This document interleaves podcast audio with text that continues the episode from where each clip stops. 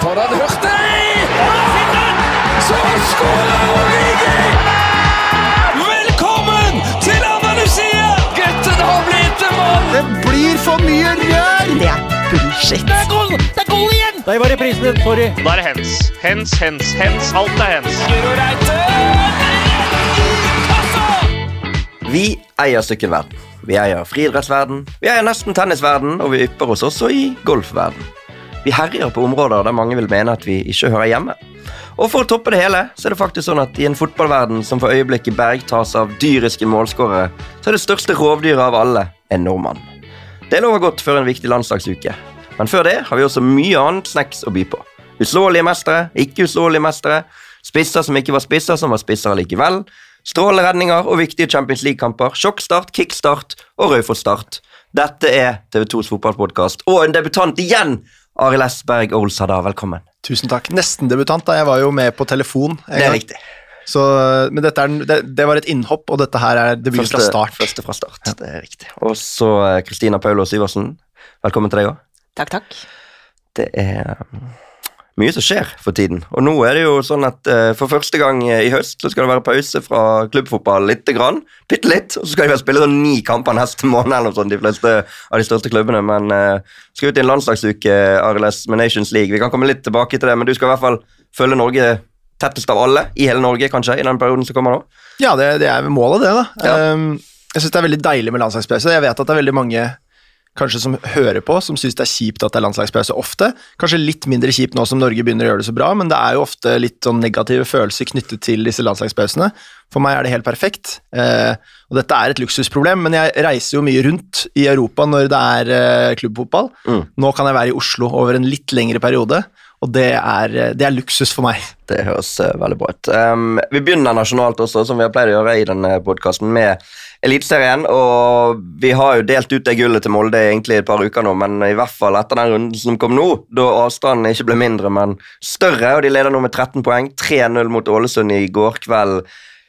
21 poeng igjen å spille om. Det, det, det roter ikke de vekk. Nei, de gjør ikke det, og det, de kommer til å vinne, men det betyr ikke at det ikke er noen eh, spenning i Eliteserien, fordi det er vel sånn at vi til og med kan få to lag i Champions League-kvalik neste gang.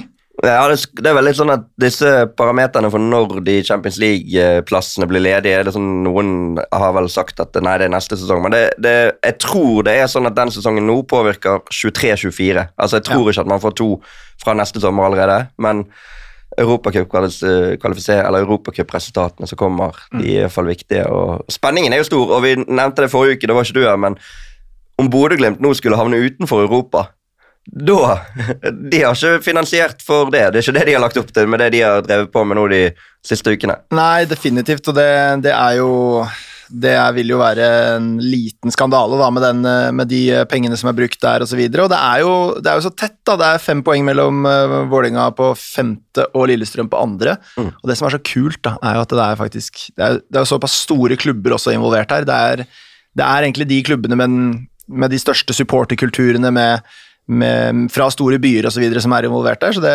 jeg syns det er utrolig gøy å følge med hver eneste helg for tiden med Eliteserien. Eh, og, og det er flere eh, som er interessante å, å følge med på. Så for meg så er det lenge siden det har vært såpass gøy med, med norsk fotball. Og så er det faktisk, som du sier med Glimt, da, eh, det, det gjør det ekstra interessant fordi det vil eh, Den vil være litt stygg, men eh, ja, Det blir spennende å se. De virker jo hvassere i Europa da, enn de er i, i Eliteserien. Jeg vet ikke om det er noe psykisk ved det, eller, om, eh, eller hva det skyldes, men uh, kanskje har de blitt funnet ut på, på egen, uh, innenfor egne landegrenser og, og er fortsatt litt sånn uh, vanskelig å håndtere for europeiske lag. Mm. Har tatt fire ganger så mange poeng i Europa som i hjemlig serie de siste to ukene, med kun ett poeng. Siste tre 1-1 mot Haugesund nå i helgen. og det gjør jo at Rosenborg, som slår Lillestrøm 3-1 i en skikkelig storkamp igjen. Det var bluss på tribunen, og det var Jeg har fått et par av de der nå, og Rosenborg-Lillestrøm, det klinger jo godt av. 3-1-seier til Rosenborg Sør. at de er helt oppe i ryggen på Lillestrøm. Skikkelig deilig stemning og kok på Lerkendal eh, i går. Det har vi samla, og Kjetil Rekdal som er ute der og er litt sint på Jesper Mathisen, og det er akkurat sånn en søndag kveld skal være. Men Hva var det han var sur for, egentlig? For det fikk jeg ikke helt med meg. Den- Altså, det var offside, det var, offside. Ja, ja. det var greit, og det var Rekdal helt enig i. Men poenget hans var vel at det var kun fordi det var Rosenborg at Jesper Mathisen sa det nå. Altså Det var på en måte et eller annet sånt. da. Altså, det var på Ja, for, for Jesper er jo, pleier å være redd for å slakte folk, så det Nei da, men at Rekdal skyter litt her og der, det tror jeg bare tyder på at han gløder fremdeles. Og en glødende Kjetil Rekdal, det, det vil vi ha fremover i norsk fotball. Og som jeg har sagt et par ganger her tidligere, hvis han skulle nå lede Rosenborg til andreplass i sin første sesong, som han fort kan gjøre, etter all den dritten han har fått, så fortjener han jo skryt for det. Uavhengig av hvordan man ser på han som fyr og alt sånn, men det er jo imponerende hvis de skulle klare å bli nummer to. Ja, det er veldig imponerende. Det er imponerende basert på at han konkurrerer mot lag som har faktisk da, brukt eh, mer penger. Det kan Rosenborg en sjelden gang mm. eh, si. Eh, jeg syns de har gjort utrolig mye bedre investeringer enn det som har vært tilfellet tidligere. Um, nå er jo ikke Rekdal selv ansvarlig for det, det er jo også Mikke Dorsin som har, um, som har gjort en bedre jobb enn det han gjorde i starten, kommet litt mer til rette i den eh, sportssjefjobben. og når man husker hvordan Rosenborg ble snakket om eh, etter noen eh, fadeser i sesongoppkjøringen annet, og en svak start på sesongen, så, så er dette her veldig bra og, og klart godkjent da, eh, for et Rosenborg som Sånn som de lå an da, med det kaoset som var i, i desember med denne utrolig underholdende trenerjakten, så, så er det rett og slett høy måloppnåelse for Rosenborg. Og så er det jo syv kamper igjen, og som du sa, det er tett der oppe. De er, de er kun fire poeng foran Vålerenga. Skulle de bli nummer fem, er jo det kanskje ikke godt nok, sant? så det er for tidlig å konkludere sånn sett. Men Vålerenga som eh, etter å ha tapt eh, forrige helg for Kristiansund, nå slo grusomt tilbake, riktignok mot Sandefjord, som har kanskje svakest formkurve av alle lagene i Eliteserien, men Lajoni var tilbake.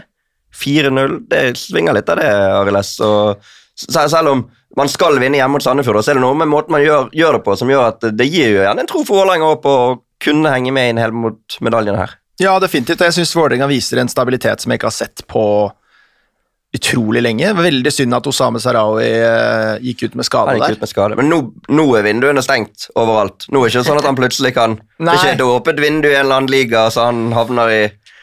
Godt spørsmål. Nei, han, han var jo Tyrkia som var mest aktuelt. Da. Der har deadline gått, så nå tror jeg faktisk vi kan eh, puste lettet ut og nyte Sarawi ut, eh, ut høsten. Så håper vi jo kanskje at han blir til sommeren òg, sånn at vi får et par kamper på TV2 også med, med vår uh, norske trollmann. Mm. Det, hadde vært, uh, det hadde vært kult. Uh, Men, uh, men Vålerenga bare Det at Lajoni også vokser inn i det nå, eh, hatt en mye bedre sesong enn han hadde forrige sesong, eh, jeg syns eh, syns for så vidt ikke den KBK-kampen var så dårlig heller, selv om de tapte. Det var eh, egentlig en prestasjon som, som tilsier at de holder eh, det samme høye nivået jevnt og trutt. Så det er veldig bra, og det er kult og viktig for eh, Oslo-fotballen. Også da at de har sånne som, som Odin, Holm og, og Sarawi selvfølgelig, som, som trekker opp underholdningsverdien. Jeg, jeg, jeg tror de står for en del av de billettene som blir solgt. Nå er ikke Odin Holm den største poengplukkeren av alle, men han er i mine øyne den desidert eh, deiligste fotballspilleren å se på sånn, i måten han behandler ballen og den roen han har. Han stresser aldri og har alltid full kontroll. Det er eh, ekstremt høyt nivå på det han driver med. Absolutt. Så um, det blir spennende å se når uh, Eliteserien skal avgjøres igjen etter, landslags, uh, dette landslagsoppholdet. Uh, I bunnen så taper jo da um, Kristiansund 1-4 for Strømsgodset. Jerv taper 3-4 for Sarpsborg. Så plutselig har tre seire på rad, og nå nærmer Med, seg med hat trick av Tobias. Heinz, som er Ja. et av de ø, styggeste hat trickene jeg har sett noensinne.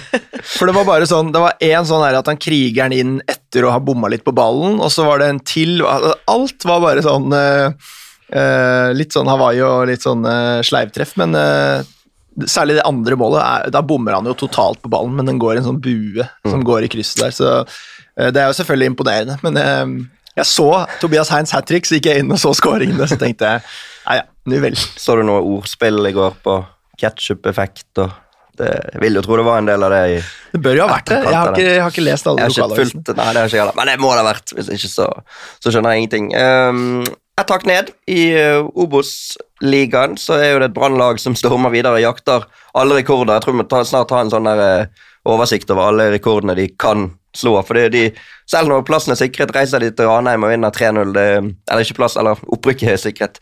Uh, Stabæk vinner 4-0 borte mot Grorud og ser ut til å være det laget som per nå i hvert fall kan uh, slå følge. Så da I hvert fall så lenge de ikke begynner å snakke høyt om det sjøl, som KFM gjorde. altså selvfølgelig, Jeg skjønner at vår kollega Eirik legger litt ord i munnen på folk når han er ute og intervjuer, men det er i hvert fall påfallende at siden uh, Jørgen Legger ord i munnen Nei, nei, nei, sånt gjør aldri Erik.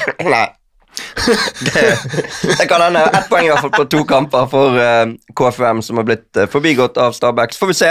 Start, som jeg nevnte der i introen, mest for å få et litt sånn komisk poeng med kickstart og sjokkstart og Raufoss-start, men de vant i hvert fall 2-1 bort mot Raufoss og er helt i ryggen på KFUM. Møter vel de neste gang, tror jeg, så kanskje Jesper Mathisens disipler fra Sørlandet kan de, de hører jo hjemme i Eliteserien, føler jeg. Altså, De fall, de må ha et lag fra Sørlandet der oppe, og når Jerv går ned, så Det er veldig gode nyheter for uh, norsk fotball at det er akkurat disse lagene her som kjemper om opprykk. Da. Eh, nå er ikke KFUM eksempel en tradisjonsrik eh, kjempeklubb som hører hjemme sånn i, i gåsetegn i, i Eliteserien, men, men det vil være et friskt pust. Brann er jo selvfølgelig kjempevelkommen, og så er det Stabæk som har eh, har eh, lang historie i Eliteserien, har en profilert trener. Det hjelper alltid med Bohin som kan hisse seg litt opp der og sånn. Det, det lukter at vi får en ganske underholdende, et underholdende persongalleri oppe i Eliteserien, eh, og, og hvis Start skulle melde seg på der, så, så vil det også sørge for at uh, enda flere av de store norske byene er representert, og at det kan bli enda mer, enda mer kok og enda flere interessante kamper i, i Eliteserien. Mm. Og så er det jo interessante kamper i Obos-ligaen òg. Noen store stjerner. Alt om Obos-liga. Jeg har spurt, sendt et spørsmål på Twitter. Hva tror dere skjer med Gamst Pedersen sin kontrakt i Åsane?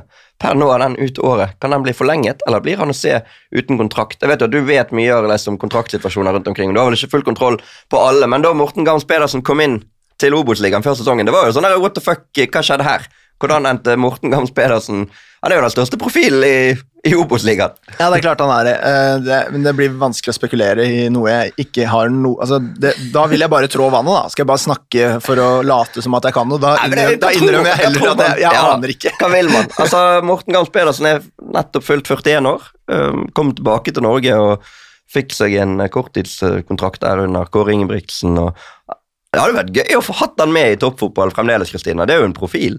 Ja, det er jo det. Altså, du husker jo fantastiske frisparkfoten hans fra tidlig 2000-tall i Premier League der, og ja. Men Tenk deg jeg tidlig 2000-tall i Premier League, han holder fortsatt på. Ja, ja. Han var enorm. Um, et annet spørsmål som kanskje går an å svare bedre på. Jørn Henland spør uh, hva er deres tanker om at Mini var, altså Mini i hermetegn, kommer til Eliteserien neste sesong. Det finnes nok meninger og tanker rundt VAR, men hva med at det kommer en light-versjon og ikke full versjon? Altså Nå er det jo sånn at um, det kommer, VAR kommer til norsk fotball, eh, og det kommer til å starte på et vis, og så kommer de til å gradvis oppgradere.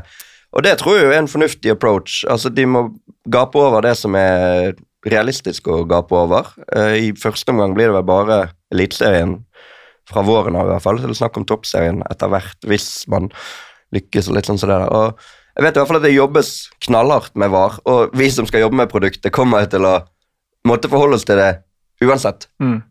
Nei, jeg, jeg syns det høres veldig fornuftig ut. VAR er jo ikke en fasit, og det er heller ikke likt tolket i alle land. Det har vi jo sett i måten det har blitt rullet ut i både eh, mesterskap, hvor det har vært én versjon, og så har det vært Premier League som har hatt sin egen versjon, og så har Italia hatt sin egen tolkning, og Spania hatt sin egen tolkning. Jeg syns, eh, i stor grad f.eks. at Premier League har tatt veldig store steg. Jeg syns de var dårligere enn de andre europeiske ligaene i starten, men at det har kommet seg. Og Derfor så er det kanskje greit å ikke gå ut i 100, men heller eh, lære litt eh, etter hvert som man går. Og så tror jeg det kanskje vil hjelpe mot de verste eh, motstanderne også, da. At, man, eh, at man ser litt hva som funker og hva som ikke funker, og tilpasser det deretter. Og der håper jeg også at vi som eh, rettighetshaver kan være enda flinkere til å få, få lov til å formidle eh, årsakene bak en avgjørelse. For eksempel, dialogen, Altså, dialogen. ja. dialogen. Vi får nok ikke dialogen med en gang, men i hvert fall på sikt kanskje kan jobbe tett med forbundet og med dommerstanden for å få lov til å få opplyst folket mer og mer. For det er jo det jeg tror mange sliter litt med, at de, de blir frustrert fordi at dette er noe man ikke nødvendigvis helt skjønner. Ja, og det største problemet er kanskje eh, når du som tilskuer sitter på arena. At du aner ikke hva det er som foregår. Du vet bare at det er en dommer som er borte og ser på en skjerm. Eh, og så sitter du der og ser at det på storskjermen står sånn check. Du aner ikke hva som foregår. Når du sitter hjemme i sofaen, så på en måte føler du at du er litt med, og da kan jeg like var, på en måte, for da tenker du ikke over at ting tar lang tid. Men når du sitter på tribunen og venter i fem, seks, kanskje syv minutter på at en avgjørelse skal tas på særlig type sånn hens-situasjoner som er ekstremt skjønnsvurdering på, da, eh, så er jo det møkk. Mm. Så det er vel kanskje det som må vurderes mest, da er det der du må jo tenke på tidsbruken, må tenke på de som sitter på arena, også for spillernes del, for den saks skyld, å stå sånn i, i lang, lang tid og vente og heller ikke ane hva det er som foregår. Mm. Så det er jo Jo oftere hva skal jeg si, VAR blir brukt kun til veldig sånne svart-hvitt-situasjoner, jo bedre, tenker jeg.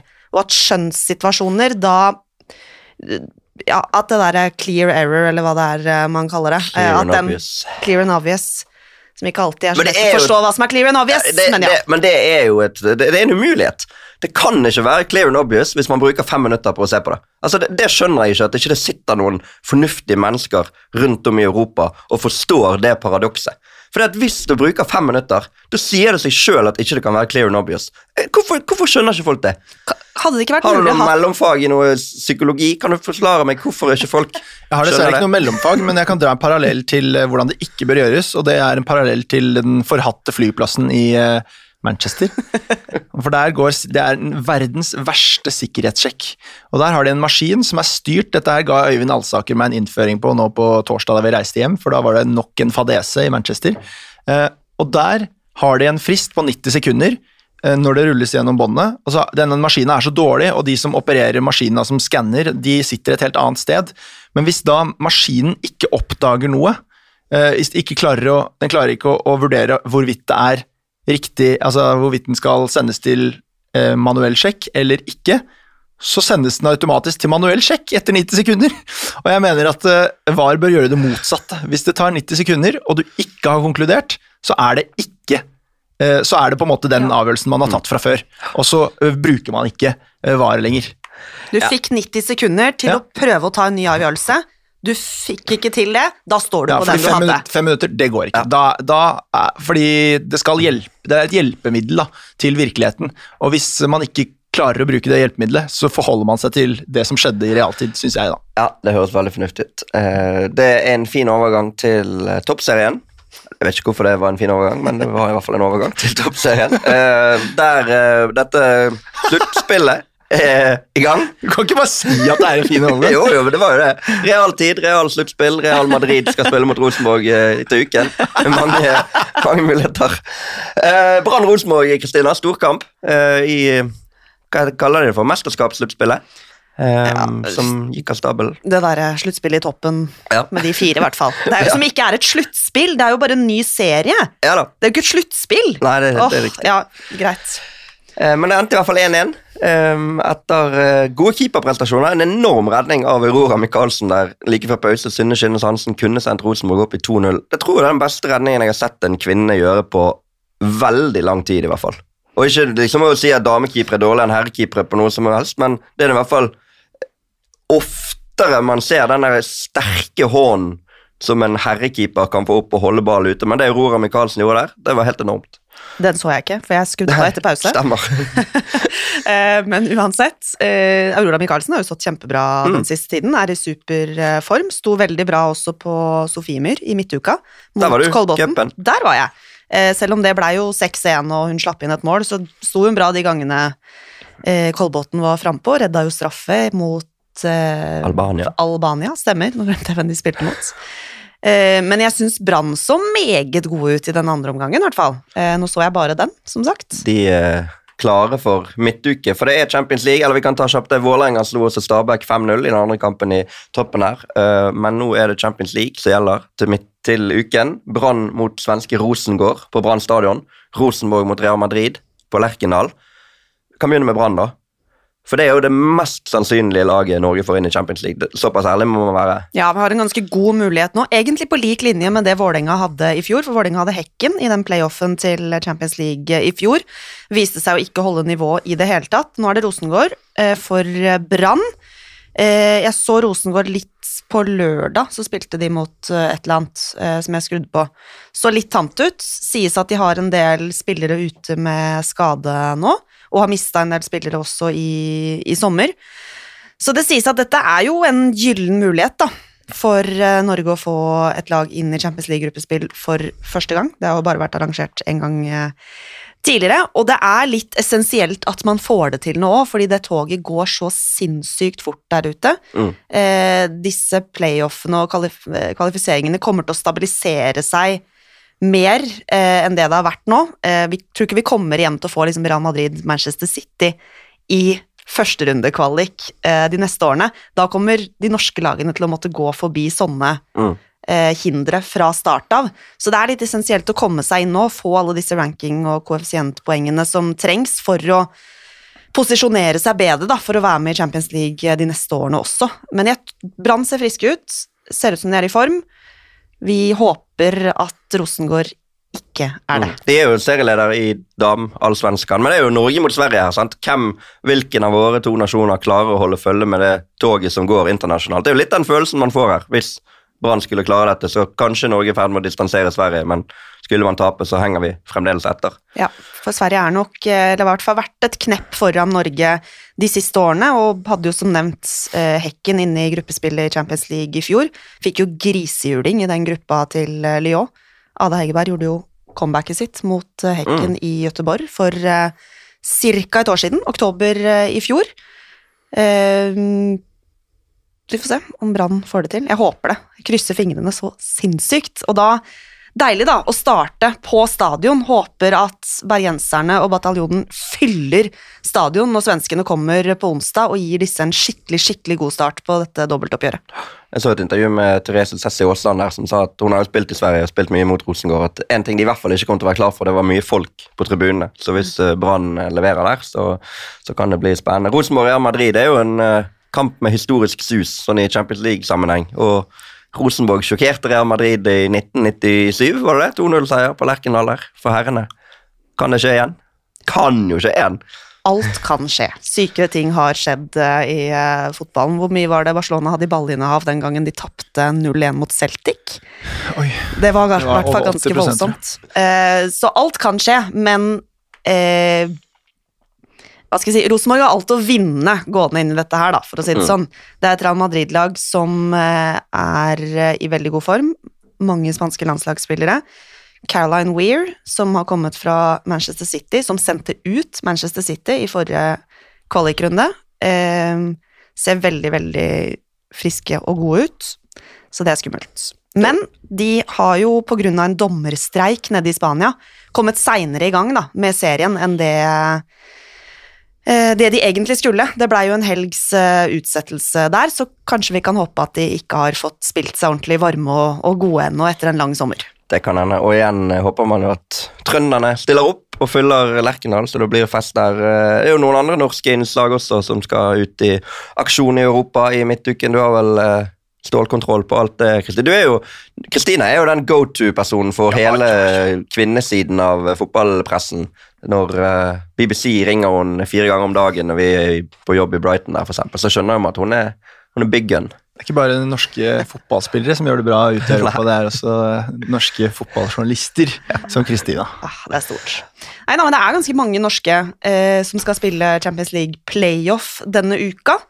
Eh, vi kan jo ramse ganske sånn kjapt opp, da, for det begynner jo allerede eh, tirsdag, som da er i morgen når vi eh, spiller inn.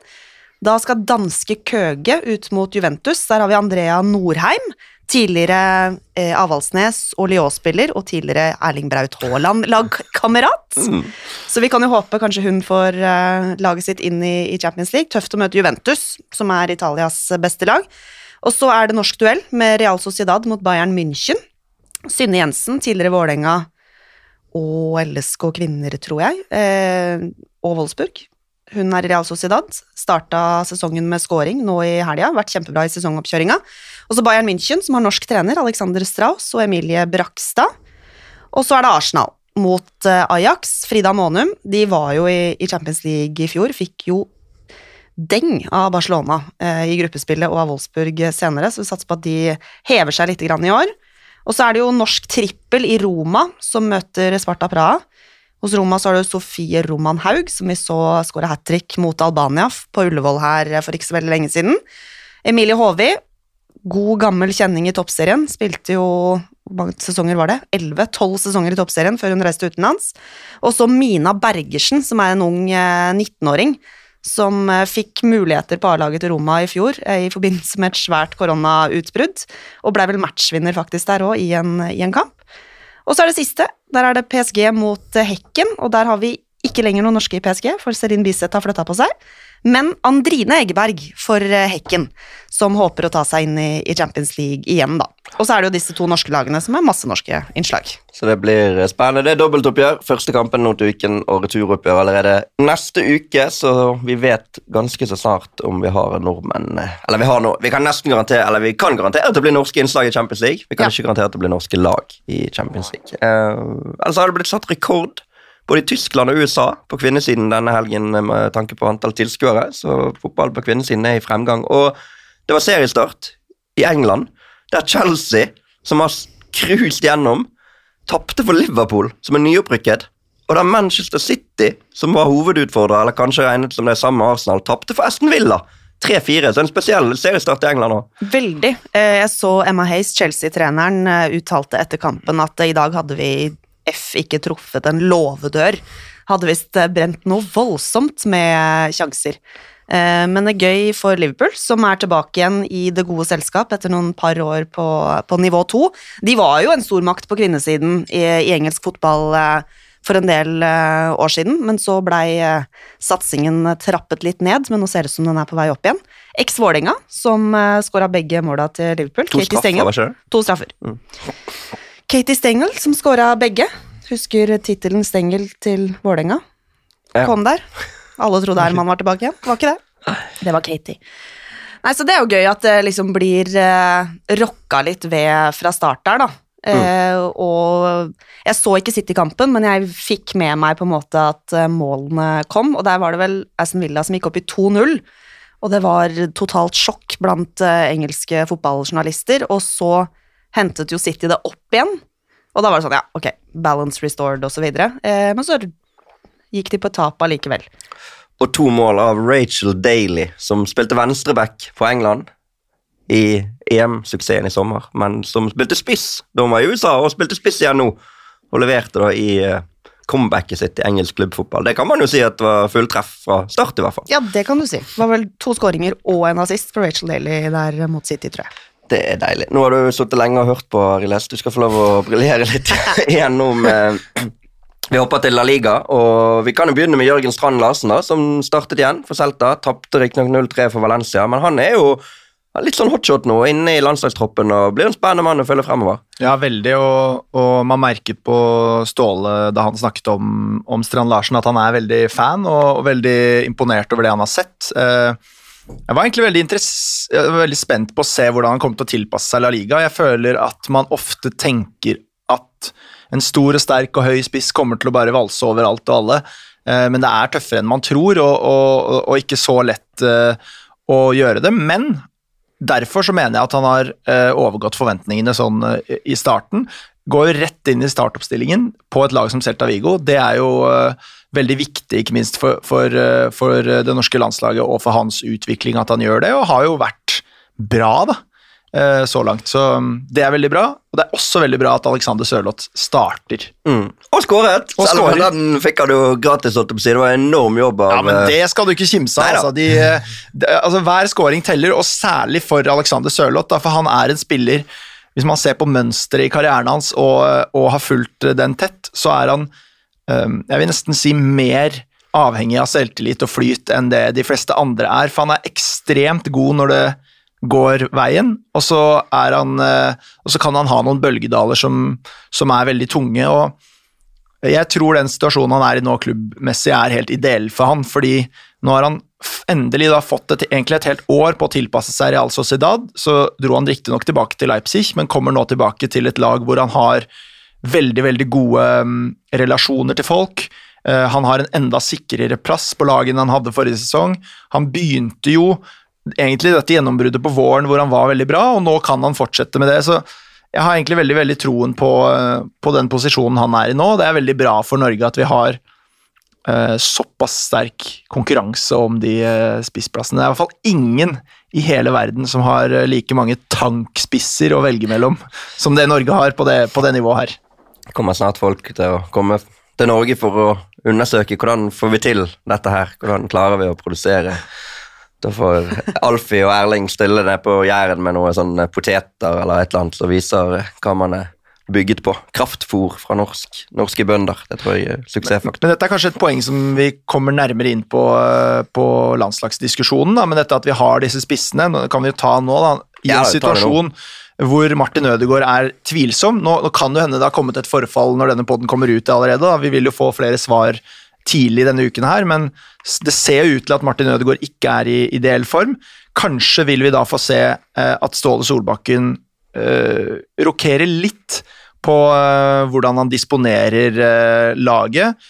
For en viktig grunn, tror jeg, til at Norge ikke har spilt så mye med to spisser, er jo fordi Martin Ødegaard er i det laget, og at man er nødt til å få best, mest mulig ut av han, og det gjør man ved å bruke han som indreløper i, i 4-3-3. Kanskje er løsningen ikke å erstatte Ødegaard mann for mann, men kanskje da bruke Uh, enten Sørloth eller Strand Larsen uh, på topp sammen med Erling Braut Haaland, og, og, og se litt annerledes ut taktisk enn det man har gjort. Uh, det, det ser jeg ikke på som noe umulighet, og kanskje er det løsningen på den, den hodepinen der. Mm. Da har du svar på spørsmålet fra Trygve Skogstad, som spør gitt scenario at Martin Ødegaard ikke spiller landskampene, hvordan skal Ståle Solbakken løse det best mulig? Så var det også en oppfølging der fra Ruben André, It's the Rube. Hvem, oppfølging, hvem blir da kaptein, og hvem blir lederen? Og Det kan jo fort bli Erling Braut Haaland, kanskje det? Når Stefan Strandberg er ute også. Det kan bli det. Um, Strandberg er ute, så det betyr at ja, Jeg tipper at Strandberg ville vært kaptein hvis ikke Ødegaard spilte. Uh, ingen av dem. Da er det jo Da må man jo inn i denne kapteinsgruppen, da. Sånn som jeg har forstått det, så er det jo eh, så er jo Erling Braut Haaland med i den, men også Sander Berge, da. Mm. eh, som har vært helt fast siden han kom tilbake fra skade. Spiller veldig, veldig bra i, i England. Eh, Målgivende igjen Topper championship, målgivende eh, igjen, og er, kommer inn i denne samlingen med veldig, veldig høy eh, medgang. Eh, og da er jo Dette kommer jo sikkert til å bli et av de eh, viktigste spørsmålene som vi eh, stiller Ståle tidlig på denne samlingen her, er jo eh, Ønsker man å gi Haaland det symbolske ansvaret, eller skal han eh, Han har jo et visst sportslig ansvar der fra før, og, og har kanskje nok å, å, å styre med. Kanskje er, det, kanskje er det bedre å gi det til f.eks. Sander Berge. Eh, jeg jeg, jeg syns det lukter litt det, da. Jeg, jeg tror ikke Haaland er så opptatt av det heller. Jeg tror ikke nødvendigvis han trenger det. Jeg tror, ikke, jeg tror kanskje ikke Ståle har lyst til å på en måte røre ved eh, tingenes tilstand. Han var jo fantastisk i eh, juni, er i helt rå form, og det skal man ikke tukle så mye med. Kanskje, kanskje er det Han er jo en mann som eksempel eh, Vi, vi har jo prata med analysesjefen på landslaget, og, og som sier, altså Andrew Finley, som sier at uh, det finnes spillere som har lyst på masse instruksjoner, masse videoklipp og se masse ting. Haaland han har lyst på kort, presist og tydelige instruksjoner som han kan forholde seg til. Kanskje, kanskje, kanskje er det med i beregningen, men, eh, men han er jo en del av kapteinsteamet og er en viktig sportslig leder, spesielt da i det, i det laget der. Det ble et lite sidespor fra La Liga, men det går fint. Vi er en Mm. ting flyter fint. Vi kommer litt tilbake inn til Braut Haaland eh, etterpå, men eh, en annen som Og dette er en veldig god overgang, for en annen spiss som herjer, og som har herjet over tid, er Robert Lewandowski. Det var en grei overgang. Den, den er grei. Ja, det er grei. Det er greit. Eh, og han skåret to igjen i helgen. 3-0 mot eh, Elche. Åtte mål i La Liga, toppskårer i La Liga. Er jo kanskje sånn per nå den eneste liksom man tør å sette, ved, siden- i hvert fall nå når Benzema er skadet, ved siden av Erling Braut Haaland. Ja. Ja, ja eh, Altså, nå- Messi er faktisk ganske men sånn i ja, ja. den, i den Ja, eh, ja. Eh, Ja, ja, eh, altså Det Messi driver med i PSG for tiden, det Ja. er helt vilt. Han og Neymar har funnet hverandre. virkelig. Ja, det er helt tullete. Det er helt riktig. Uansett. Men uh, du var jo så han uh, live på gamle jaktmarker. Der tapte de riktignok for Bayern München i midtuke, men han, han har noe ved seg eh, fremdeles, den gode, gamle polakk. Ja, det var marginalt at det endte som det endte, på en måte der, fordi Lewandowski hadde to monstersjanser i første omgangen. Eh, og sitter de to, så vinner Barcelona den kampen, det er jeg ganske sikker på. Eh, I stedet for så vipper det andre veien, da. eh, altså, Som med Haaland, da. For noen atleter. Altså, så utrolig, liksom For noen, noen kroppskontroll og eh, Han er litt annerledes, da, men jeg og Simen Stamse Møller og Endre Olav Osnes som var i, i München sammen, snakka om det på, på flyplassen på vei hjem, at Leroy Sané også utrolig sånn atletisk. Kunne vært god i alt, liksom. Kunne drevet med turning eller Og det samme gjelder jo både Haaland og Lewandowski, bare at de er liksom enda større mennesker, da. Som blåste opp litt, eller i hvert fall dratt litt. Eh, Det er så fascinerende å se på liksom, den kroppskontrollen og balansen de har. Men min favoritt er jo Thomas Müller. Altså, jeg tror jeg satt i 89,5 minutt og bare så på Thomas Müller i den kampen der. Han spiller bare på ett touch! Dette Det er må være første gang noen har sagt det. At de har tilbrakt en kamp og bare fulgt med på Thomas Men det er så kult, liksom. Spiller bare på ett touch. Helt rått. Du var jo i Manchester, og så Det var jo akrobatikk der òg, da eh, Braut Haaland Han har vel eh, Har ikke han noe sånn norgesrekorden i stille lengde for femåringer, eller et eller annet sånt? Er Ja, sånn- det var, jeg tror det. Ja, det er en noe sånn altså. syk rekord Og den står fortsatt. Ja.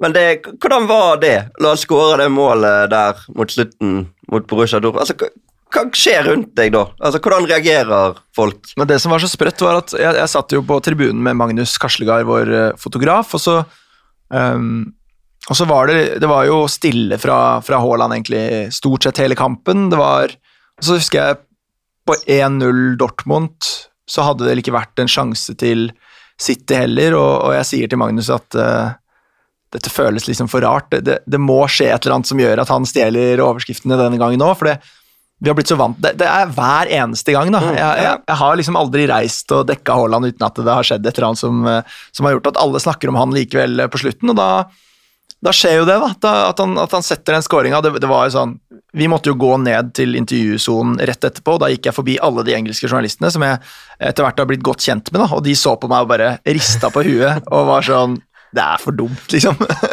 Eh, så, så det er jo en sånn Det er en sånn følelse av at alt bare Ja, det, det, er, det, er, helt, det er helt vilt, det vi er vitne til eh, for tiden. Da. Han er potensielt verdens aller beste spiller nå, liksom, og, og det, det, er, det er rett og slett så uh, Det er så sykt Ja, det, det er så utrolig klisjé å si at man ikke skjønner det, men jeg tror ikke, det, jeg, tror ikke, jeg tror ikke jeg skjønner det heller, som reiser og dekker og holder på, fordi han er han, Alle snakker bare om han. Mm.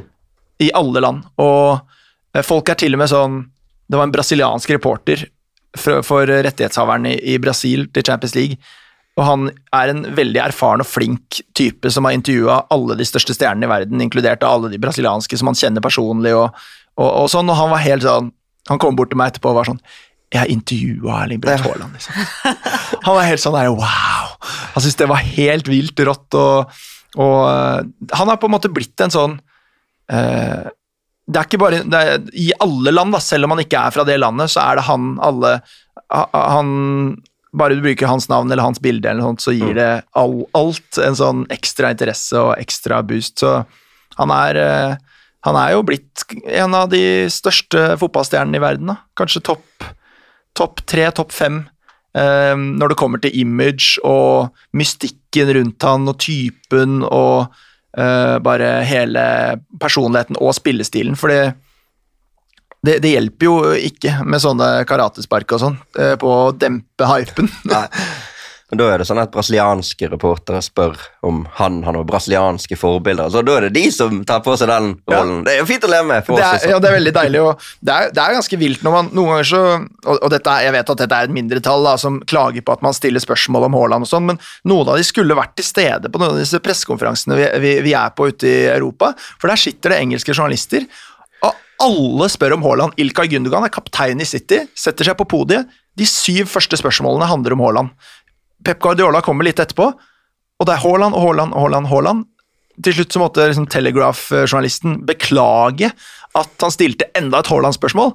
Men det er det alle vil. Alle skriver om det, alle snakker om det, og alle saker før og etter kamper handler om Haaland, og de prøver å finne nye vrier på eh, hvordan de kan dekke dette fenomenet. Så ja, det, det er såpass eh, det er såpass heftig. og Jeg snakka faktisk med Man City sin pressesjef, og han sa at uh, nå er det jo de engelske journalistene jeg må roe ned. For vi tok en prat tidligere i høst uh, med meg og, og Joakim Bårdsen, som dekker Haaland og, og sånn for VG, da, eh, og da sa han sånn eh, Pep kommer til å bli litt lei hvis det er dette hver gang, og kanskje dere må prøve å liksom mikse det litt opp etter hvert og sånn, da. Og så har vi prøvd å være litt mer sånn tilbakeholdne og litt mer sånn stille litt større spørsmål, kanskje, og, og bevege oss bitte litt bort fra det rent sånn persondyrkende. Men nå er det bare, nå er det bare fullt kjør liksom, fra de andre. Da. Så han kom bort og sa sånn Veldig godt spørsmål av deg, men jeg må roe ned de der eh, engelske journalistene. Men det var jo veldig eh, Det er sånn skikkelig ta på seg nisselua når det blir litt sånn der personlig stolt av Erling Braut Haaland. Den videoen som sirkulerte på, på Twitter Ja. i helgen eh, etter oppvarmingen, det var vel den kampen som var nå i, i helga, hvor alle spillerne skal bort av materialforvalteren og pælmer den derre eh, hva heter det, innbytter, overtrekksvesten sin. Liksom, får den i trynet, liksom lander oppå huet hans, og så kommer Erling bort og så gir han den sånn pent, og da blir det sånn 'Å, snill gutt, godt oppdratt'. Og så, og så får han et klapp på skulderen der også, da. Så det, det legges jo merke til, og dette er de små detaljene som jeg tror gjør at det kunne vært et problem i en klubb at en ny, ung spiller kom inn og tok all oppmerksomheten, og attpåtil i et lag som allerede bøtter inn 100 mål per sesong og vinner titler hele tiden. Um, men, men fordi jeg tror City sin tropp er bygd sånn at det er mindre problematisk der. Da. Det er egentlig en tropp med et veldig kollektivt fokus, og egentlig så er jo manageren den største stjernen. Eh, Så, så jeg tror det hjelper, men jeg tror også det hjelper måten han oppfører seg på. Det har vi sett på treningen også. Han går og gir bamseklemmer til eh, de mindre, mindre kjente ansatte eh, og, og tar på en måte vare på rundt, eh, folk rundt seg. Da. Han har allerede blitt veldig sånn komfortabel og raus i måten han oppfører seg på på trening med de yngre spillerne, de eldre spillerne. Um, jeg snakka med Oscar Bob, blant annet, som er en av de som noen ganger hospiterer opp på, på A-laget, og, og han sier at han er en utrolig god støtte også for de yngre spillerne der. Da. Så, samtidig som han er fremstår som eh, bestis med Grealish og Foden og De Bruyne og, og kompani, så jeg tror han har, eh, han har glidd veldig godt sosialt inn. da. Han virker som en sånn eh, gledesspreder og en eh, fin fyr for alle i hele hierarkiet å forholde seg til. Og da blir det mindre muring. Da Da blir det ikke noe muring da, fordi alle syns han personlig er så hyggelig. Så da kan han fortsette å bøtte i mål, og alle kan spørre om han, og, og det går fint. Det går absolutt fint. Vi sporer tilbake igjen på La Liga-toget. Eh, ny overgang. Eh, denne gang eh, skåringen som Erling Braut Haaland eh, leverte mot Borussia Dortmund. Da han gjorde det, så tenkte jeg hvem andre er det som skårer sånne mål? Hvem, hvilke spisser er det vi har hatt? Og den første som slo meg, det var Radamel Falcao. Den der liksom dyriske evnen til at ballen skal i mål på ethvert vis, uansett hvor han er. Og så gikk det fire dager i helgen. Jeg vet ikke om dere har sett det målet til Falcao Nei. mot eh, Atletikk. Eh, de tapte riktignok kampen 3-2.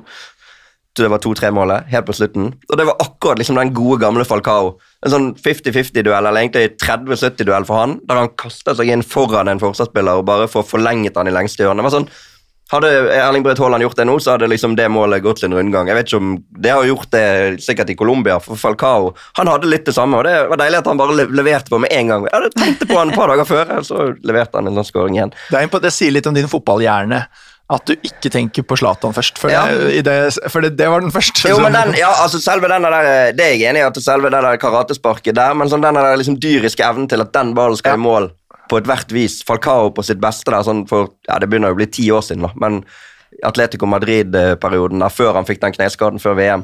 Og det var faktisk det jeg lurer på om det var husker ikke om det var John Stones eller Kevin De Bruyne eh, som jeg intervjua etter kampen. Eller jeg husker at jeg intervjuet begge, men jeg husker ikke hvem av de som sa dette her. Men de var mer imponert over at han alltid finner en måte å score på enn nødvendigvis selve akrobatikken og sånn. Ja, Mm. eh, De sa at uh, han bare finner en måte å score på, Mm. liksom. og, det, og det er det han gjør.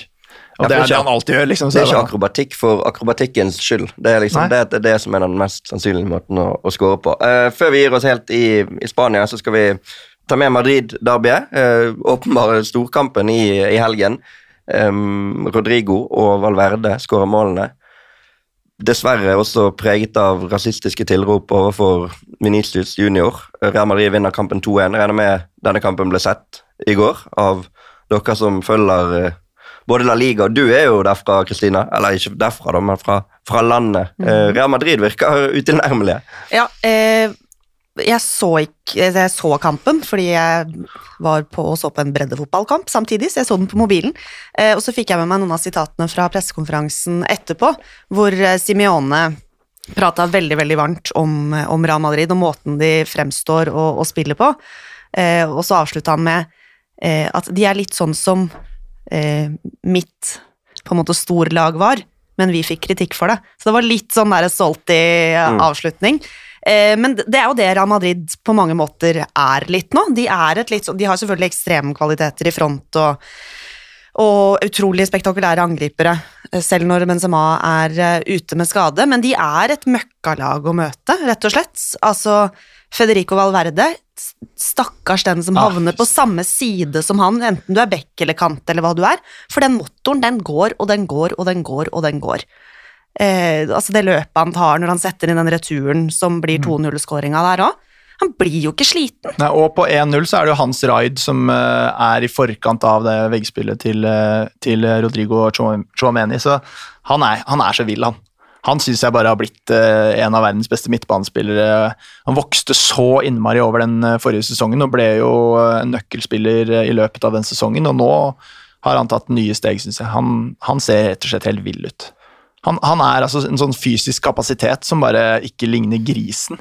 Og øh, jeg må bare si bare hele det Real Madrid-laget, altså måten de har klart å uh, sånn så, Egentlig ganske sømløst, for det har vært ganske lite tid hvor de har vært nede i en bølgedal. Ganske sømløst har klart å gå fra en generasjon som vant masse Champions League-trofeer, med aldrende midtbanespillere som Allerede for to år siden så skulle jo uh, Martin Ødegaard tilbake og erstatte uh, Luka Modric, og Tony Cross hadde en litt svak sesong, og folk var sånn Nei, nå, nå er det over, liksom.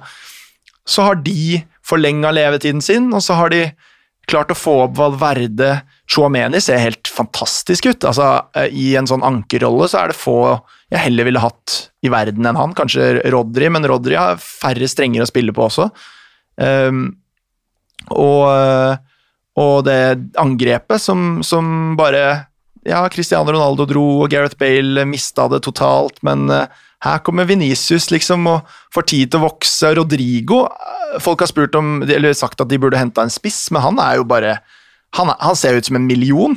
Han er jo helt fantastisk, og bare hele det laget der bare, Jeg er så imponert over eh, bland, eh, og, og, og Vi snakker jo om et møkkalag, men det var en sekvens her da Eden Hazar skårte mot Celtic, hvor de hadde 1000 trekk i forkant av skåringa, og bare måten de bare Ok, spiller eh, seg rundt, og så er det hjem i forsvar, så klarer de å bare lokke til seg eh, motstanderen ut, bare fordi alle i det laget har en helt sånn fenomenal selvtillit til å bare eh, ha ro i alle mulige situasjoner, og så bare spiller de nærmest ballen helt i mål da, med en sånn eh, tålmodighet. Så de, de ser jo akkurat nå ut som verdens beste fotballag, eh, med en sånn unik blanding av eh, teknikk og, og liksom kvalitet, kynisme og råskap og fysikk, men også en sånn eh, eh, arroganse og selvtillit og rutine som ingen andre i verden har.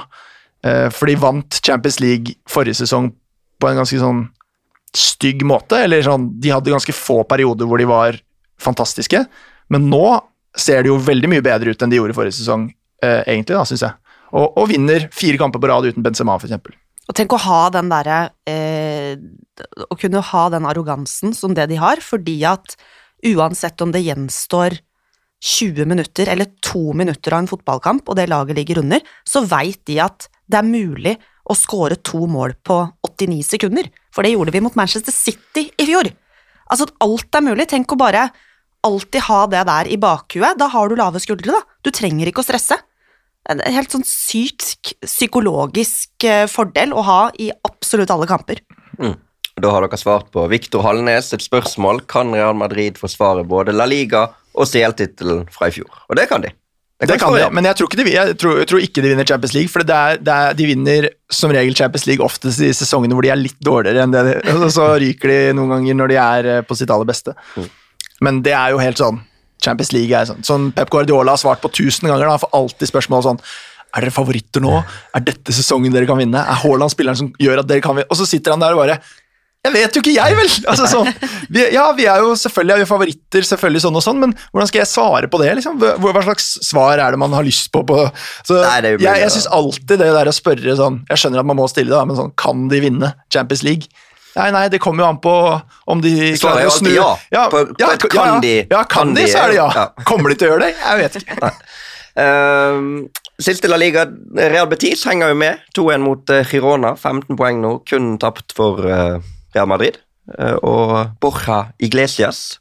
Er det noen familie til Julio og Enrique og den Eh, musikalske Julio nei. var jo keeper sjøl på Real Madrid. Ja, nei, det er nok ikke, ikke familie. Iglesias er et ganske vanlig spansk etternavn, og så er vel eh, den musikalske gjengen her er vel sydspanjoler, mens Borja Iglesias er eh, gallego fra Som Coronia-området, som Christina. Så. Kristina er ekstra glad for at pandaen, som han blir kalt, er tatt ut på landslaget. Kan debutere på landslaget i en alder av 29 mot Sveits, er det vel? Eller det kan jo debutere mot Portugal òg, men det er vel Sveits først på, på lørdag. Um, Spania. Jeg bare så på den Spania-troppen, på de som ikke er med. Altså de som liksom har vært med i troppen til Spania siste året. Satte sammen en elver av liksom spanjoler som, som ikke er i landslagstroppen nå. David De Gea i mål. Amerik Laporte, Inigo Martinez, Marcos Alonso, Dani Olmo, Tiago, Sergi Roberto, Miquel Merino, Miquel Oyarzabal, Rodrigo, Ansu Fati. Som i praksis da er sånn tredjelaget til Spania da, per nå. For det, det, ingen av de er blant de 23 eller hva de hadde i troppen. Det er ganske vill bredde etter hvert eh, i de store nasjonene. Ja, det er jo det. Og så fortsetter vi å la oss fascinere av Altså, Luis Henrique er vel kanskje et av de staeste menneskene på denne jorda. David De Gea han skal ikke spille landslagsfotball for Spania. Der har han bare bestemt seg for en keepertrio. Veldig, veldig fascinerende. Eh, en ting. Sist jeg var med i denne podkasten, så snakket vi om Betis, tror jeg. Da hadde de akkurat starta eh, ligaen. Og da tror jeg jeg sa jeg vil ha Borja Iglesias på landslaget. Det må jeg høre høre ja. tilbake igjen. Og så er han på landslaget nå.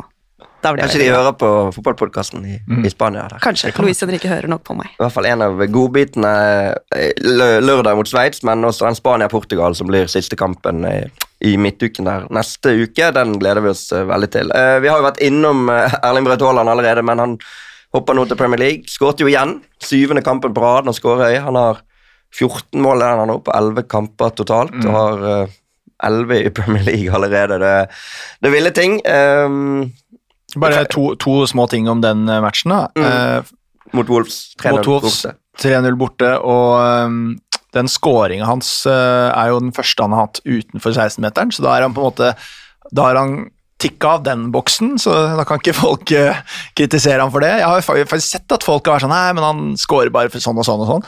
Um, og det andre er jo forarbeidet til 3-0-skåringen, som var en veldig flott scoring, hvor Haaland er tredje sist på ballen.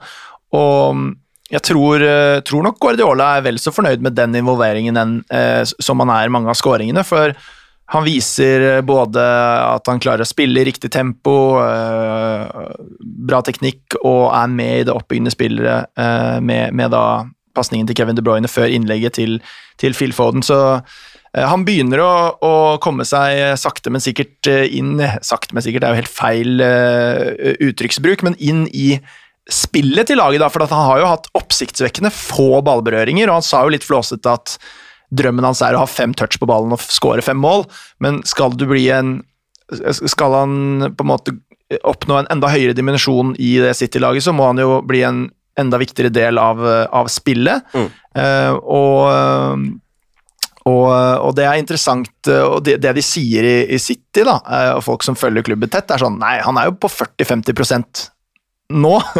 det høres jo ganske sykt ut, men poenget er at relasjonene til lagkameratene, alt det andre som du skal skjønne, da, som Kevin De Bruyne og Pep Guardiola har påpekt, det er, det er jo ikke perfekt ennå. Men det er sånne små ting som, som viser at han, han begynner å, å, å komme inn i det også, og det, det kan jo bli skremmende etter hvert, det. Absolutt. Manchester City 17 poeng på syv kamper. Uh, overgang til et annet lag som har 17 poeng på syv kamper. Du nevnte setningen sånn og sånn og sånn. Sånn og sånn og sånn, sa du. Uh, og sånn og sånn og sånn var jo også de tre siste målskårene til Tottenham i kampen mot Den, Leicester. pla, den planta vi før sendinga. Nei, gjorde ikke Uh, 6-2. Eh, innbytter sånn denne gang. Han har jo ikke skåret før denne sesongen, men kom innpå og fikk åpnet virkelig sin protokoll for sesongen. Gjør at Tottenham også har 17 poeng. 5-2-0 etter syv kamper. Men Arsenal topper uten Martin Ødegaard, som vi var inne på. Meldte forfall, men 3-0 borte mot Brentford. Kristoffer Ayer var med igjen. Det er første kampen han har spilt denne høsten. Så det er jo viktig for Norge at han får Spilte 90 minutter. Mm. Som Ars- midtstopper, vel. De spilte vel 5-3-2, og han spilte høyre midtstopper. høyre Ja. ja. Det Men- stemmer. Men interessant med den kampen er jo øh, kontrasten til sist de spilte der, var jo da sesongåpningen mm. forrige sesong. Og det var et selvfølgelig skadeplaget og øh, koronaplaget øh, Arsenal-lag, men det har jo skjedd så enorme forandringer i det laget der. Jeg syns Mikkel Arteta har gjort en av de beste managerjobbene i samråd med en av de beste rekrutteringsjobbene som Edu og, co. har gjort i, i Arsenal. Det er sjelden man ser og de har selvfølgelig mye penger å rutte med, men det er sjelden man ser i Premier League at en klubb lykkes så godt med så mange investeringer. da. Eh, William Saliba, som jeg syns kan regnes som en eh, ny signering med tanke på at han har vært på lån osv., ser jo helt fantastisk ut. Jeg, jeg så Thomas Frank sin reaksjon på kampen hans på pressekonferanse etterpå, så sa han helt uoppfordra bare William Saliba uff. Han var så imponert, og, og det, det er også. Gabriel Jesus er perfekt for det laget der. Og øh, jeg syns de ser ut som en sånn Jeg vet ikke om man kan, kalle det miniatyr, for ikke, de gjør det på en stor skala, de leder jo ligaen, men det er et slags Manchester City-preg over, over det han gjør der. Det er jo åpenbart hvor inspirasjonen til Miquel Arteta ligger, men uh, veldig, veldig imponerende, og et uh, superspennende lag med alle de unge spillerne de har, og, og, og den stilen de spiller i, og måten de bare helt u, eh, ikke uanstrengt, men helt sånn bekymringsløst vinner 3-0 borte mot Brentford. Det ligner jo egentlig ikke det Arsenalet vi har blitt kjent med sånn eh, utover på 2000-tallet, syns jeg. Nei, Det blir spennende å følge de nå når kampene begynner å komme enda tettere, og høsten, og det er jo liksom det der Arsenal Når det regner litt, og da, har ikke de vært like bra, da, men det virker som de har en litt annen stamme i ting nå, da. Første uken i oktober, først Tottenham, så Bodø-Glimt, så Liverpool på en uke.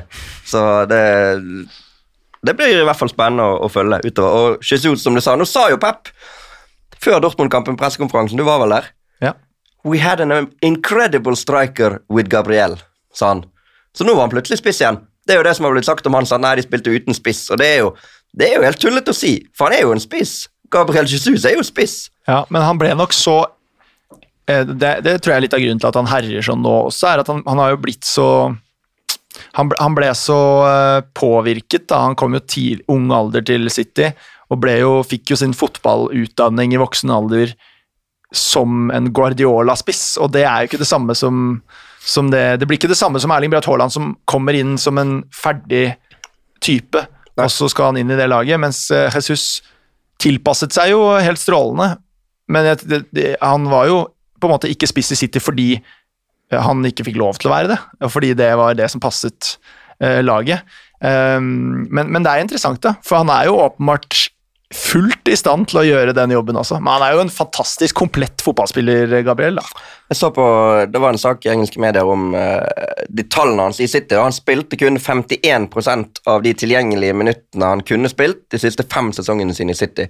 Han skårte et mål hvert 160. minutt, som er altså i Hall, Det ble ikke noe i forhold til Haaland, han skårer hvert 60. eller hva det er, men sånn, det var kun Aguero, Salah, Kane, Ronaldo, Aubameyang og Vardy. Toppskårere i Premier League, alle sammen, som var bedre enn de årene der. Uh, men han har dårlig XG, sant? altså produserte mye sjanser, skåret ikke nok mål.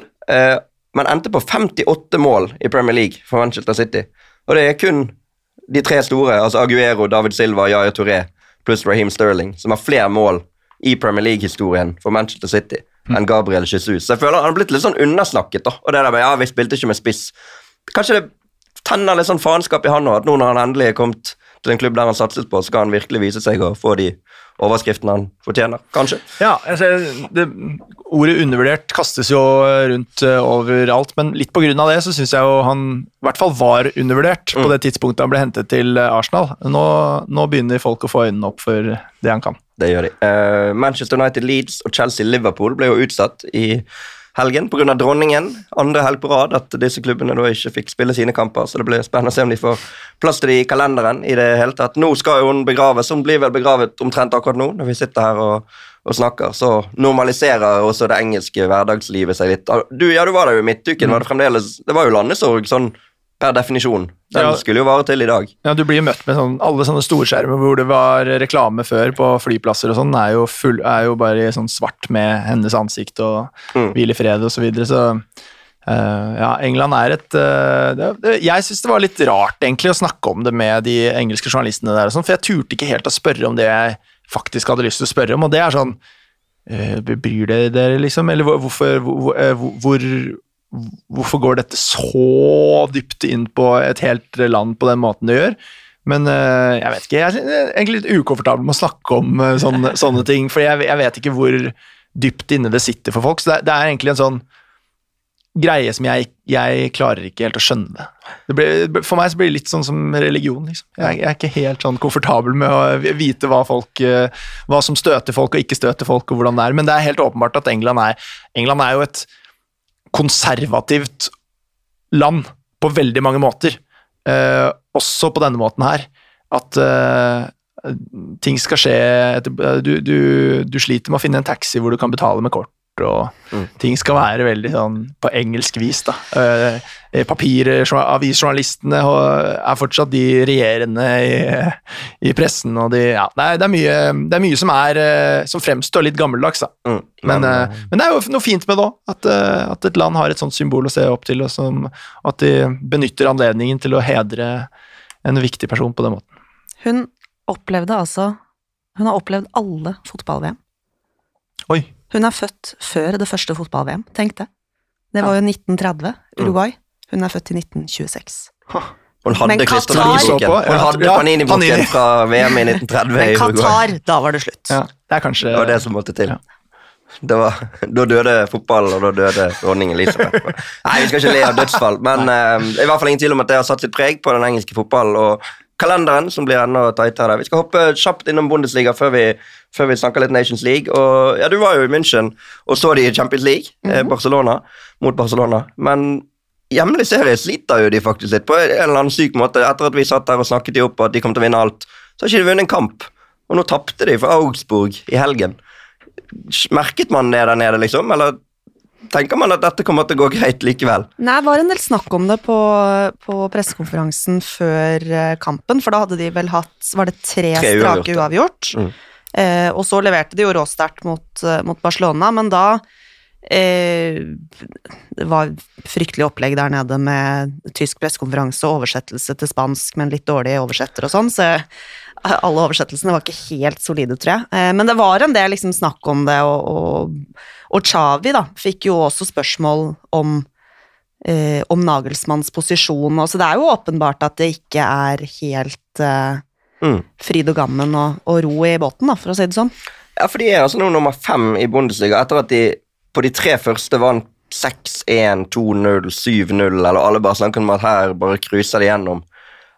Og det er jo en enorm klubb, da, som nå er bak Hoffenheim, Freiburg, Dortmund Det er jo en stor klubb, selvfølgelig, men og Union Berlin, Morten Thorsby, som topper Bundesliga akkurat nå. før. Og du sier Morten Thorsby, Og Julian Ryerson. men Julian Ryerson er jo da visekaptein og har vært helt fast. Nå spilte han ikke i helga, jeg har ikke funnet ut uh, hvorfor, men helt fast på det laget frem til uh, da. Vi snakka litt om undervurdert i stad. Julian Ryerson er nok Norges mest undervurderte fotballspiller, uh, med tanke på det nivået han har uh, spilt på de siste årene, og måten han bare med uh, stor tålmodighet og en ekstrem arbeidsmoral har kjempa seg til ja, vi, vi vil fortsatt kalle det en fast plass. da, Jeg vet ikke hva grunnen var til at han ikke spilte nå, men, men som wingback i, i Union Berlin, som leder Bundesliga, det er så utrolig imponerende. Mm.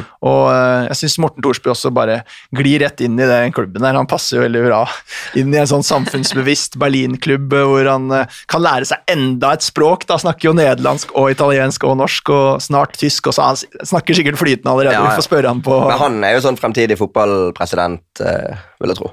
Ja, om ikke bare statsminister. Ja, kanskje. Eh, Union Berlin slo Wolfsburg 2-0 og toppa foran Dortmund, som vant Ruhr-derby. Vant 1-0 mot Schalke, men Marco Reus måtte ut med skade. Ankelen så ut til å få seg en trøkk igjen. Han mistet jo VM, som de vant i 2014, med en ankelskade. og Skulle nå tilbake, så får vi se hvor eh, alvorlig det er. Det leder oss over på Nations League-uken, som Norge skal spille sine to siste kamper denne høsten. Eller ikke to siste, men to siste obligatoriske kamper, i hvert fall, som betyr noe. Slovenia og Serbia. du skal følge de Ariles. Ja.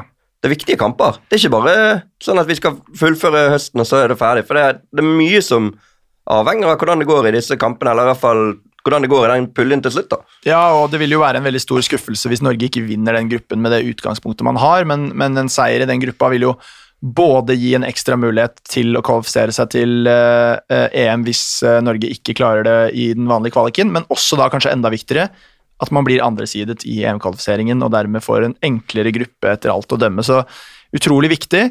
Um, ja, man, man glemmer det litt mellom landslagspausene. Uh, hvor, uh, hva som skjedde sist, hvordan stemningen var. Men det er bare viktig for meg å minne om, da. Altså, tenk den, Det siste vi så av landslaget, det var, det var vel 12. juni. Uh, en søndag kveld i uh, Var det søndag? Jeg husker ikke. Uh, uansett. Ja, det var en søndag kveld, tror jeg. Ja. Ja, det var noe sånt. Uansett, det er ikke så viktig. Poenget, er, er er, poenget er at det var en vakker junikveld. Norge slo Sverige for andre gang på en uke. Og, og for disse spillerne som var med på det, da, og egentlig sikkert for mange av de som var tilskuere på tribunen, så var dette det største øyeblikket, enten i deres fotballiv, i hvert fall i norsk landslagsdrakt. Det skjer nesten aldri. Jeg husker Leo Østegård sa det fint. Det skjer, kommer nesten aldri til å skje at du slår Sverige etter en lang sesong, en perfekt landslagssamling, og så skal du rett ut eh, på Aker Brygge og feire, og så har du ferie etterpå. Altså, det, det de opplevde der, da, det var på en måte piken av hva du kan oppleve som menneske og fotballspiller. Altså, det å slå Sverige, feire det foran fullsatt Ullevål, gå i garderoben, være dødssliten, men vite at du skal rett på byen, du skal rett på ferie fantastisk. Og den stemningen og den følelsen kommer de jo inn og får minner av og kjenner på når de nå kommer tilbake til, eh, til Oslo, til landslagssamling. Det har blitt en veldig sammensveiset og veldig sånn eh, Ja, veldig harmonisk eh, gjeng som også har en sånn fandenivoldskhet og en uh, vinnermentalitet. Så jeg har veldig troa på, på at eh, dette skal eh, gå, da, at man ikke slipper ned uh, hanskene nå. Men eh, Bortekamp mot Slovenia, hjemmekamp mot Serbia. det holder nok, eller det holder vel med, uansett med fire poeng, men det holder nok med tre også. Eh, så ja, det blir, veldig, det blir veldig gøy å se på, og, og vi begynner å kjenne eimen av noe som kan bli bra. Eh, når det kommer til spillerne, så er det jo noen positive nyheter, noen negative. Haaland er jo en konstant positiv nyhet, eh, men Holmgren Pedersen har begynt å spille i Feyenoord igjen. Ryerson, som sagt, eh, tar, nye steg. Kristoffer Ayer uh, starta. Det er veldig viktig med tanke på at Strandberg var ute. Kanskje får vi se Østigård eh, eh, og Ayer. Eh, Sander Berge er i veldig god form. Fredrik Aursnes spilte 90 minutter for Benfica, som sammen med Real Madrid er det eneste laget som har vunnet alle sine kamper denne sesongen i Europa. Um, og uh, Moi har hatt en bra start på sesongen i, i Premier League, personlig i hvert fall. Sørloth skårer, Strand Larsen er het. Um, det er i hvert fall en del positive ting å, å ta med seg, selv om da Martin Ødegaard er tvilsom, Strandberg er ute, uh, osv. Så er det trepoengs ledelse til Serbia, som du sa. Uh, Serbia er det eneste som kan ta fra oss denne seieren, men vi kan jo håpe at vi får hjelp fra Sverige, som reiser til Serbia litt for å revansjere egentlig hele denne Nations League-sesongen for, for deres del. Eh, hvis de gjør jobben der, så kan vi jo være klare allerede på, til helgen. Uh, hvis ikke så skal det avgjøres hjemme mot Serbia, og det har jo vi vært med på før. Uff a meg. Men eh, vi trenger ikke rippe opp uh, i det. Jeg var jo i Slovenia sjøl forrige uke og snakket med Slatko Savic, det- den største spilleren derfra noensinne. Må være lov å si, Selv om de har hatt et par gode keepere de siste årene, så har han en helt unik stjerne nede. Og han var veldig positiv på Norges vegne. da, og Så litt, selvfølgelig, kanskje litt navlebeskuende, men det er for en liten nasjon å ha en stor stjerne som kan dra med seg resten, mente han var viktig. da. Så får vi se hvordan, eh, hvordan det går. Um, jeg føler vi alltid spiller mot Slovenia. Ja, det føler jeg òg. Slovenia og Serbia. Jeg er enig i det. Um, bare kjapt om eh, Jeg vet ikke hvor kjapt det blir, da, men om, eh, om de som ikke er på dette A-landslaget. Fordi det er et veldig solid A-landslag. Og så har vi masse unge spillere som kommer nedenfra. Og, og jeg får ofte spørsmål på Twitter om, eh, om uh, hvorfor er ikke ja, Sånn som Antonio Nusa da nå. Mm. Ja, jeg så det var kommet et spørsmål til oss nå også. Tror Arild S at Nusa velger å spille for Norge, eller bør vi være bekymret? Ja, nei, Jeg tror ikke man bør være bekymret. da Han har vært lojal til det norske landslaget. Jeg vet at han har støtte oppover i systemet. altså Ståle Solbakken følger selvfølgelig med. Det er ikke, det er ikke, selv om han da ikke var med i troppen til U18 nå fordi eh, han ikke var med sist osv. Det, er på en måte det er jo bare fordi NFF er litt firkanta, og jeg skal ikke dra den debatten nå, den har, den har vi hatt en uh, uke her, men jeg tror ikke det er noe, jeg tror ikke det oppriktig er noe man skal bekymre seg for. Men, men det jeg skulle si, var at jeg får ofte spørsmål hver gang en sånn spiller uh, gjør noe bra, da, eller Andreas Schjelderup, som er fantastisk i Danmark, eller Christian Arnstad, som spiller i Anderlecht, eller Oscar Bob, som er i City, eller, eller uh, Isak Hansen Aarøen i, i Manchester United. Eh, det er veldig mange å ramse opp eh, eh, av disse her, da, født i 2003, 2004, 2005, eh, som er veldig bra, og så vil folk ha de på A-landslaget med en gang. Og det jeg mener folk må skjønne da, er at det er veldig sunt at de ikke er på A-landslaget nå. For vi har hatt en tid i norsk fotball hvor man kunne komme inn eh, hvis man var eh, Martin Ødegaard eller Martin Samuelsen eller veldig, veldig ung og egentlig ganske ubevist på eh, seniornivå. Eh, rett og slett fordi nivået var så svakt at man bare trengte en frelser. liksom, var Desperat etter en frelser. Nå trenger vi ikke det. Nå trenger ikke Norge en spiller som er 17 år, som skal være med i A-landslagstroppen. Fordi man kan ta de stegene mye mer gradvis. Um, Rett og slett fordi det er, mange, det er mye bedre kvalitet på det landslaget der, og det er ikke vits å ha med en 17-åring hvis han ikke kommer til å spille uansett. Da er det bedre å ha han på sitt respektive eh, aldersbestemte landslag. Eh, men det betyr ikke at vi ikke har masse spennende. Altså, det er aldri vært så spennende eh, spillere eh, som kommer nedenfra. Altså, eh, det er altså en så lang remse med supertalenter, da.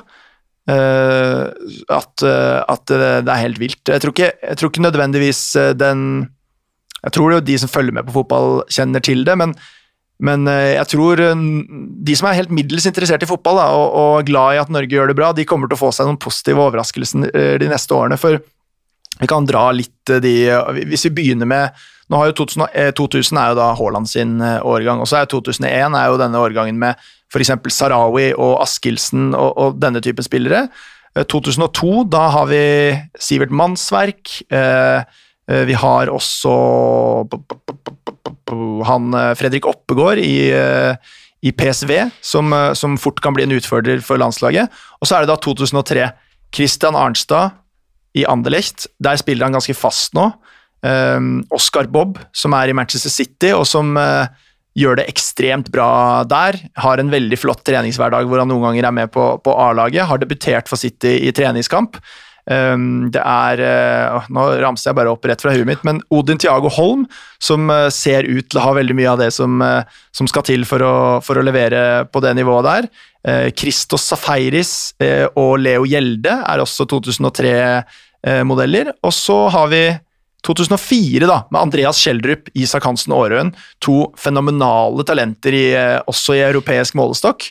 Og 2005 Antonio Nusa. Eh, Dette er, eh, det er så lovende for Norges fremtid, og det er så gøy å følge disse spillerne her, fordi mange av de virker å ha tatt riktige utviklingsvalg, da. ehm, eh, På ulike måter, eh, men, eh, men som ser ut til å være veldig fine. Um, og så må jeg innrømme at jeg er aller mest spent på å se hvordan det kommer til å bli med Oscar Bobb og, og Hansen Aarøen når de enten velger da å dra fra sine gigantklubber for å spille A-lags- A-lagsfotball tidligere, eller om de går hele løpet i de klubbene. Men uh, det, er, det er veldig veldig spennende, da. Både nåtid og fremtid uh, for norske landslag. Absolutt, og vi håper jo at eh, noen av disse kan få en EM-plass i 2024. Det er jo det dette handler om, selv om Nations League i seg selv er stort og skulle vinne det og komme opp til nivå 1. Som du sa, vinner vi denne gruppen, så blir vi andresidet. Da får vi ikke to veldig tøffe motstandere i den ordinære EM-kvaliken. Og vi har også den backup-playoffen hvis vi skulle trenge det. Og i tillegg så kommer vi opp på nivå 1, som gjør at du nesten er sikret en playoff til neste VM-kvalik igjen, fordi at alle de andre lagene på nivå 1 kommer til å kvalifisere seg.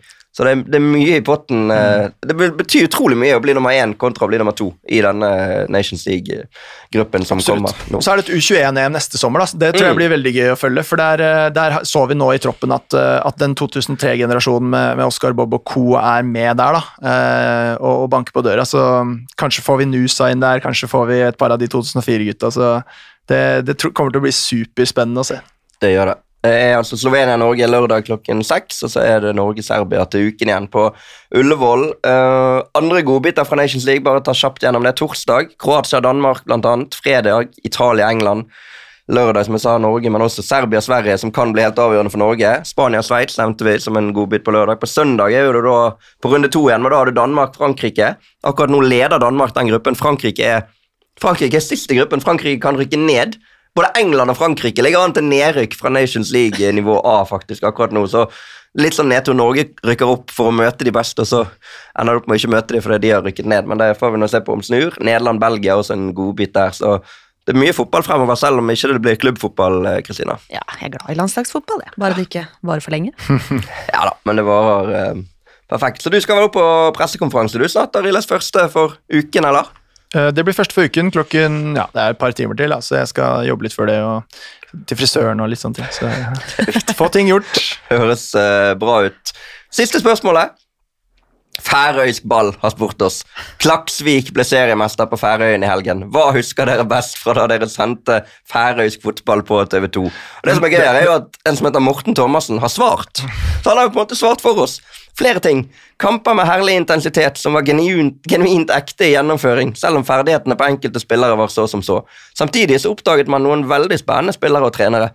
Og kan man glemme kampen mellom IF og KI? Kampen der legenden Petu Reinhardt tillot alt av stygge taklinger. Færøysk ball svarer tilbake. Personlig vil jeg aldri glemme Marius Skjelbæk sin lookalike assistentdommer og utsparket på Tvøroyri som gikk rett tilbake til egen keeper. Morten Thomassen, stemmer det. Mange gode minner fra en liten perle av en liga. Hadde ikke vært feil om TV 2 hadde sendt lokaloppgjørene mellom B36 og HB jevnlig.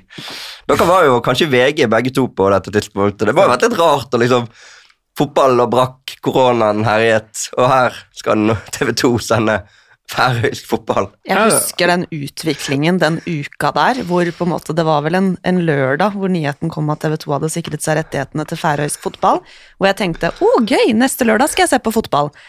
Og så kom det så mye færøysk fotballpropaganda i løpet av de neste seks dagene at når vi kom til den lørdagen det skulle begynne, da spøy jeg av færøysk fotball. Det må jeg si. Jeg så ikke et sekund, jeg beklager det. Men da begynte vel også eh, uka etter så begynte vel Bundesliga opp Ja. igjen nå, så det var ikke så lang pause, og så skåra Erling Braut Haaland, og så var livet fint igjen. Det var Dortmund-Schalke. Det, var, det, var, det husker jeg veldig godt, fordi det var, det var gøy. fordi nå, nå sa noen at da Premier League ble avlyst forrige helg, så var det som å gå tilbake. Altså, alle kom til å gjøre det samme som de gjorde den gangen på våren i 2020, og sette seg foran eh, Borussia Dortmund mot Schalke. Ja, ja.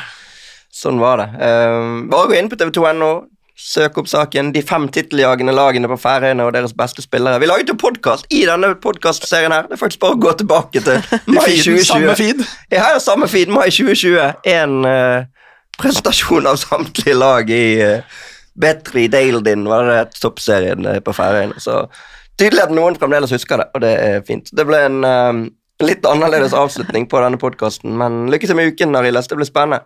Tusen takk. Lykke til med uken du og Kristina, hva enn du skal eh, gjøre. Det blir spennende å se. En åpen uke. Forhåpentligvis eh, for i hvert fall eh, norske lag på kvinnesiden som eh, setter seg i posisjon til at du skal dekke de uken etter. Jeg håper at jeg får et sånt skikkelig dilemma om jeg er nødt til å reise til Malmö eller Madrid Mm. uka etter. At Det begge lag jo det, altså, har et godt utgangspunkt. kjenner jeg det rett, så er ikke det et uh, dilemma. Vi får se hvordan det blir. Men i hvert fall tusen takk for at dere var med. Takk Veldig skal du ha. hyggelig. Og tusen takk til Moderne Medier, som fasiliterer for at vi kan få til dette. Og tusen takk til dere som hører på. Gjør igjen det igjen. Neste uke er vi tilbake. Ha det bra! Så skåler Origi! Velkommen til Andalusia! Gutten har blitt en mann! Det blir for mye rør! Det er bullshit. Det er goal! Det er goal igjen! Da er det hens. Hens, hens, hens. Alt er hens. Guro Reite!